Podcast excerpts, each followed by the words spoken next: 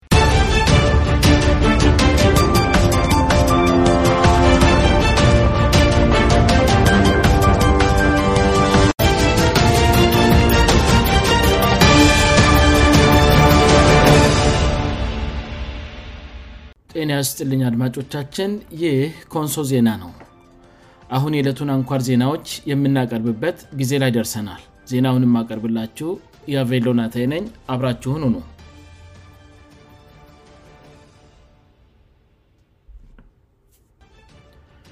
አርስት ዜናዎቹን በማስቀደም የዕለተሰኘው ጥቅምት 29 ቀን 214 አም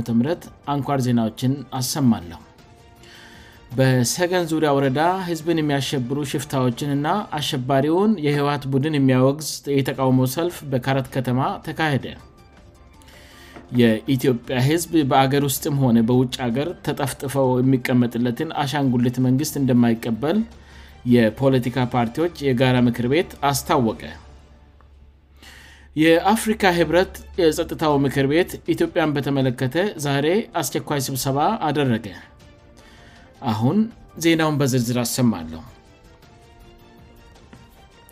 በሰገን ዙሪያ ወረዳ ህዝብን የሚያሸብሩ ሽፍታዎችንና አሸባሪውን የህወሀት ቡድን የሚያወግዝ የተቃውመው ሰልፍ በካረት ከተማ ተካሄደ መላው ኢትዮጵያን እያሸበረ ያለውንና መንግሥት ሽብርተኛ አድርጎ የፈረጀውን ህወሀትንና የሰገን ዙሪያ ወረዳ ህዝብን ሰላም እየነሳ ያለውን የአካባቢውን ሽፍታ ቡድንን የሚያወግዝ ታላቅ ሰላማዊ ሰልፍ በኮንሶዞን መዲና ካረት ከተማ ተካሄደ የሰልፉ ተሳታፊዎች በድምፅና በያዟቸው መፈክሮች አሸባሪዎችን የህወሀት ቡድን እንዲሁም በሀሰት ፕሮፓጋንዳ ለሽብር ቡድኑ ድጋፍ ለማድረግ የሚሞክሩ የውጭ ሀገር የዜና ማሰራጫ አውታሮችን አውግዘዋል ሰልፈኞቹ ካሃዲ ነው ያሉትን የሽብር ቡድን ህወሀትን ሴራ ለማምከን ለኢትዮጵያ ሀገራችን እኛ ታታሪ ልጆቿ አለን ብለዋል በሰልፉ ላይ የኮንሶ ዞን ዋና አስተዳዳሪ አቶ ዳውት ገበየሁ ና የከተማው አስተዳደር ከንቲባ የሆኑት አቶ ጋሻ ሁንገናለ መገኘታቸውእና ንግግር ማድረጋቸው ታውቋል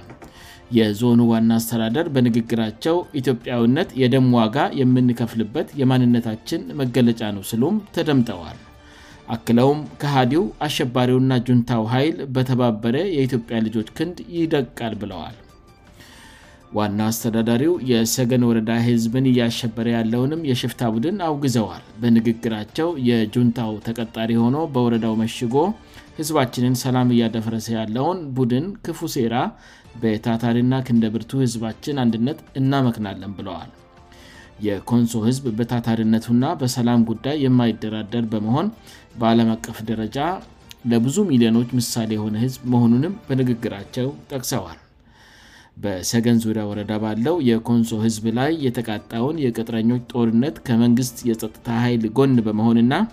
ለሰላም በመስራት ጁንታውን ቡድን የሚጋልበውን የሽፍታ ቡድን በጋራ ለመመከጥ ጥሪም አቅርበዋል የከተማው ከንትባ በበኩላቸው ለተቃውሞ ሰልፉ የወጣውን ህዝብ አመስግነው በከተማችን የጀመርነውን የጁንታ ቅጥረኛና ተላላኪዎችን ለህግ የማቅረብ ስራን ከህዝባችን ጎን በመሆንና በመስራት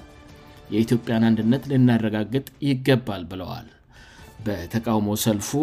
በእኛ መስዋየትነት ኢትዮጵያ ታፍራና ተከብራ ትቀጥላለች በፕሮፓጋንዳው ጦርነት አንበገርም አካባቢን ይጠብቃለሁ አገረንም ለማዳን እዘምታለሁ ክብር ለጀግናው መከላከያችንና ለመላው የፀጥታ ኃይሎቻችን ለቀረበልን የክተጥ ጥሪ በህዝባዊ ቁጭትና በጽናት ተሰልፈና የሚሉና ሌሎችም መፈክሮች ተደምጠዋል በአገር አቀፍ ደረጃ የታወጀውን የአስቸኳይ ጊዜ አባጅ ተከትለው ከሁለት ቀናት በፊት የዞኑ ከፍተኛ የስራ ኃላፊዎች በወቅታዊ አገራዊ ጉዳዮች ላይ ውይይት ማድረጋቸውን የሚገልጽእና በዞኑ የሚገኙ ና የግል የጦር መሳሪያ ያላቸው ዜጎች መሳሪያቸውን እንዲያስመዘግቡ የሚጠይቅ መግለጫ በዞኑ መንግስት ኮሚኒኬሽን ገጽ በኩል መውጣቱ የሚታወቅ ነው ይህ ኮንሶ ዜና ነው የኢትዮጵያ ህዝብ በአገር ውስጥም ሆነ በውጭ ሀገር ተጠፍጥፎ የሚቀመጠለትን አሻንጉልት መንግስት እንደማይቀበል የፖለቲካ ፓርቲዎች የጋራ ምክር ቤት አስታወቀ የኢትዮጵያ የፖለቲካ ፓርቲዎች የጋራ ምክር ቤት ስራ ሥራ አስፈፃሚ ና ቋሚ ኮሚቴ አባላት በዛሬው ዕለት በአስቸኳይ ጉባኤ ካደረጉ በኋላ መግለጫ አውጥተዋል መግለጫውም በከፍተኛ የህዝብ ትግልና መስዋየትነት የተገኘውና ባለፉት ሶስት ዓመታት በፈታኝ ሁኔታ ውስጥ የዘለቀውን የለውጥ ሂደት የከፋ ፈተና ውስጥ የከተተው የዛሬ ዓመት በህወት የተፈጸመው የክህደት ተግባር ነው ብለል ይህንን ተከትሎ ሰመን ኢትዮጵያ የተጀመረው ጦርነት ሰፍቶ በአማራ ክልልና በአፋር ክልል ልዩ ልዩ ቦታዎች የከተማና የገጠርን ህዝብ ለከፋ መስቀልቅል ዳርጓል ያለው ምክር ቤቱ ጊዜው የሰብል መሰብሰ ወቅት መሆኑ ጋር ተያይዞ ችግሩን እጅግ ፈታኝ ያደርገዋል ብሏል በሰሜን አሜሪካ ደራልስት ኮንፌደራሊስት ጥምረት ፈጠርን ብለው በኢትዮጵያ ፓርላማ በአሸባርነት በተፈረጀው ህወሀት አቀናባርነት ልንደፋደፉ የታዩትን ግለሰቦችንም ታዝበናል ብሏል ምክር ቤቱ በመግለጫው የኢትዮጵያ ህዝብ ራሱ መርጦ የሚያቆመው እንጂ በአገር ውስጥም ሆነ በውጭ ሀገር ተጠፍጥፎ የሚቀመጥለትን አሻንጉልት መንግስት በታሪክ ተቀብለ አያውቅም ዛሬም አይቀበልም ያለው ምክር ቤቱ የሀገሬን ሉዓላውነት አደጋ ላይየምጥል ማንኛውንም ጥምረት እንደማይቀበል አስገንዝበዋል ምክር ቤቱ አክሎም በዚህ ፈታኝ ወቅት ሁሉም ዜጋ በተለይ የቀድሞ ሰራዊት አባላትና የውትድርና ስልጠና ያላቸው ሁሉ ነቅቶና ተደራይቶ ሀገሩ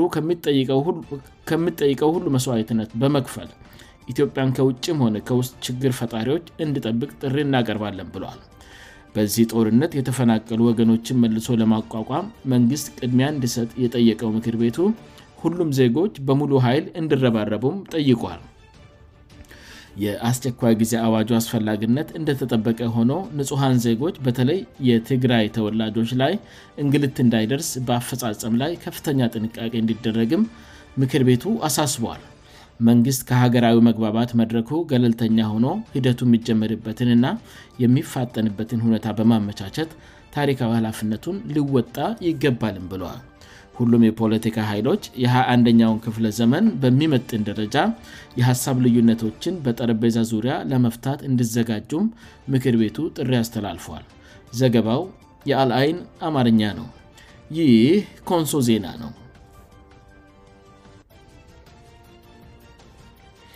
የአፍሪካ ህብረት የጸጥታው ምክር ቤት ኢትዮጵያን በተመለከተ ዛሬ አስቸኳይ ስብሰባ አደረገ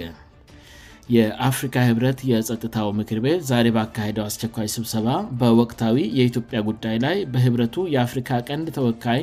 ኦባሳንጆ ገለፃ ተደርጎለታል ኅብረቱ ዛሬ ጥቅምት 29 ቀን 2014 ዓም በበይነ መረብ ወይም በኢንተርኔት አስቸኳይ ስብሰባ አካሄዷል ስብሰባውም ዝግ መሆኑ ታውቋል በስብሰባው የህብረቱ የፖለቲካ ጉዳዮች የሰላምና ደህንነት ጉዳዮች ኮሚሽነር አምባሳደር ባንኮሌ አድዮወዬ የህብረቱ የአፍሪካ ቀንድ ተወካይ የቀድሞው የናይጄሪያ ፕሬዝደንት ኦሊሴውገን ኡባስ ሳንጆ በአፍሪካ ህብረት የግብፅ ቋሚ ተወካይ መሐመድ ጋአድ እና በአፍሪካ ህብረት የኢትዮጵያ ተወካይ አምባሳደር ተስፋ ልማ ተሳትፈዋል ስብሰባው የተካሄደው በወቅታዊ የኢትዮጵያ ጉዳይ ላይ ለመምከርና የአፍሪካ ህብረት የምስራቅ አፍሪካ ተወካይ የቀድሞው የናይጀሪያ ፕሬዝደንት ኦሊሴጎን ኦባሳንጆ ገለጻ ለማድመት ነበር ምክር ቤቱ በኢትዮጵያ ጉዳይ ላይ ሲሰበሰብ ይህ ለመጀመሪያ ጊዜ ነው ህብረቱ በምስራቅ አፍሪካ የተለያዩ ሀገራት ያጋጠሙ የጸጥታ ችግሮችን እንዲያሸማግሉ የወከላቸው ኦባሳንጆ ትናንት ወደ ትግራይ አቅንተው በሽብርተኝነት ከተፈረጀው የወሀት ከፍተኛ አመራሮች ጋር መወያየታቸው ተሰምቷል አቶ ጌታቸው ረዳን መሰል የህወት ከፍተኛ ምራሮችም ይህን አሳውቀዋል በአፍሪካ ህብረት የኢትዮጵያ ተወካይ አምባሳደር ተስፋ የልማ በተሳተፉበት በዚህ ስብሰባ ምክር ቤቱ በኢትዮጵያ ጉዳይ ላይ ከመከረና የባሳንጆን ገለጻ ካደመጠ በኋላ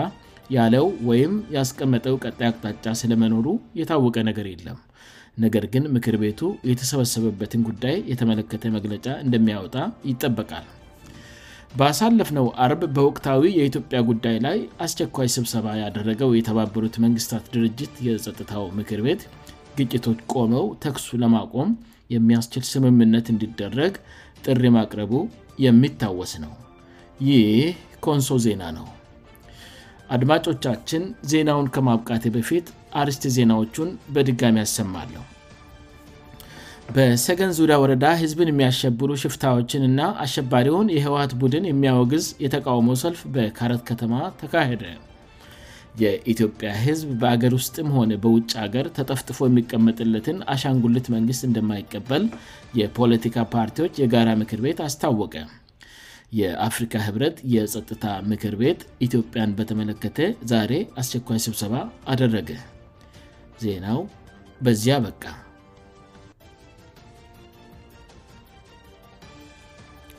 አድማጮቻችን የዕለቱ አንኳር ዜናዎቻችን ይህንን ይመስሉ ነበር ስላዳመጣችሁን እናመሰግናለን ከወንሶ ዜና ነገም በተመሳሳይ ሰዓት እንደምጠብቁ ተስፋ ያደርጋል እስከዚያው በደህና ቆዩን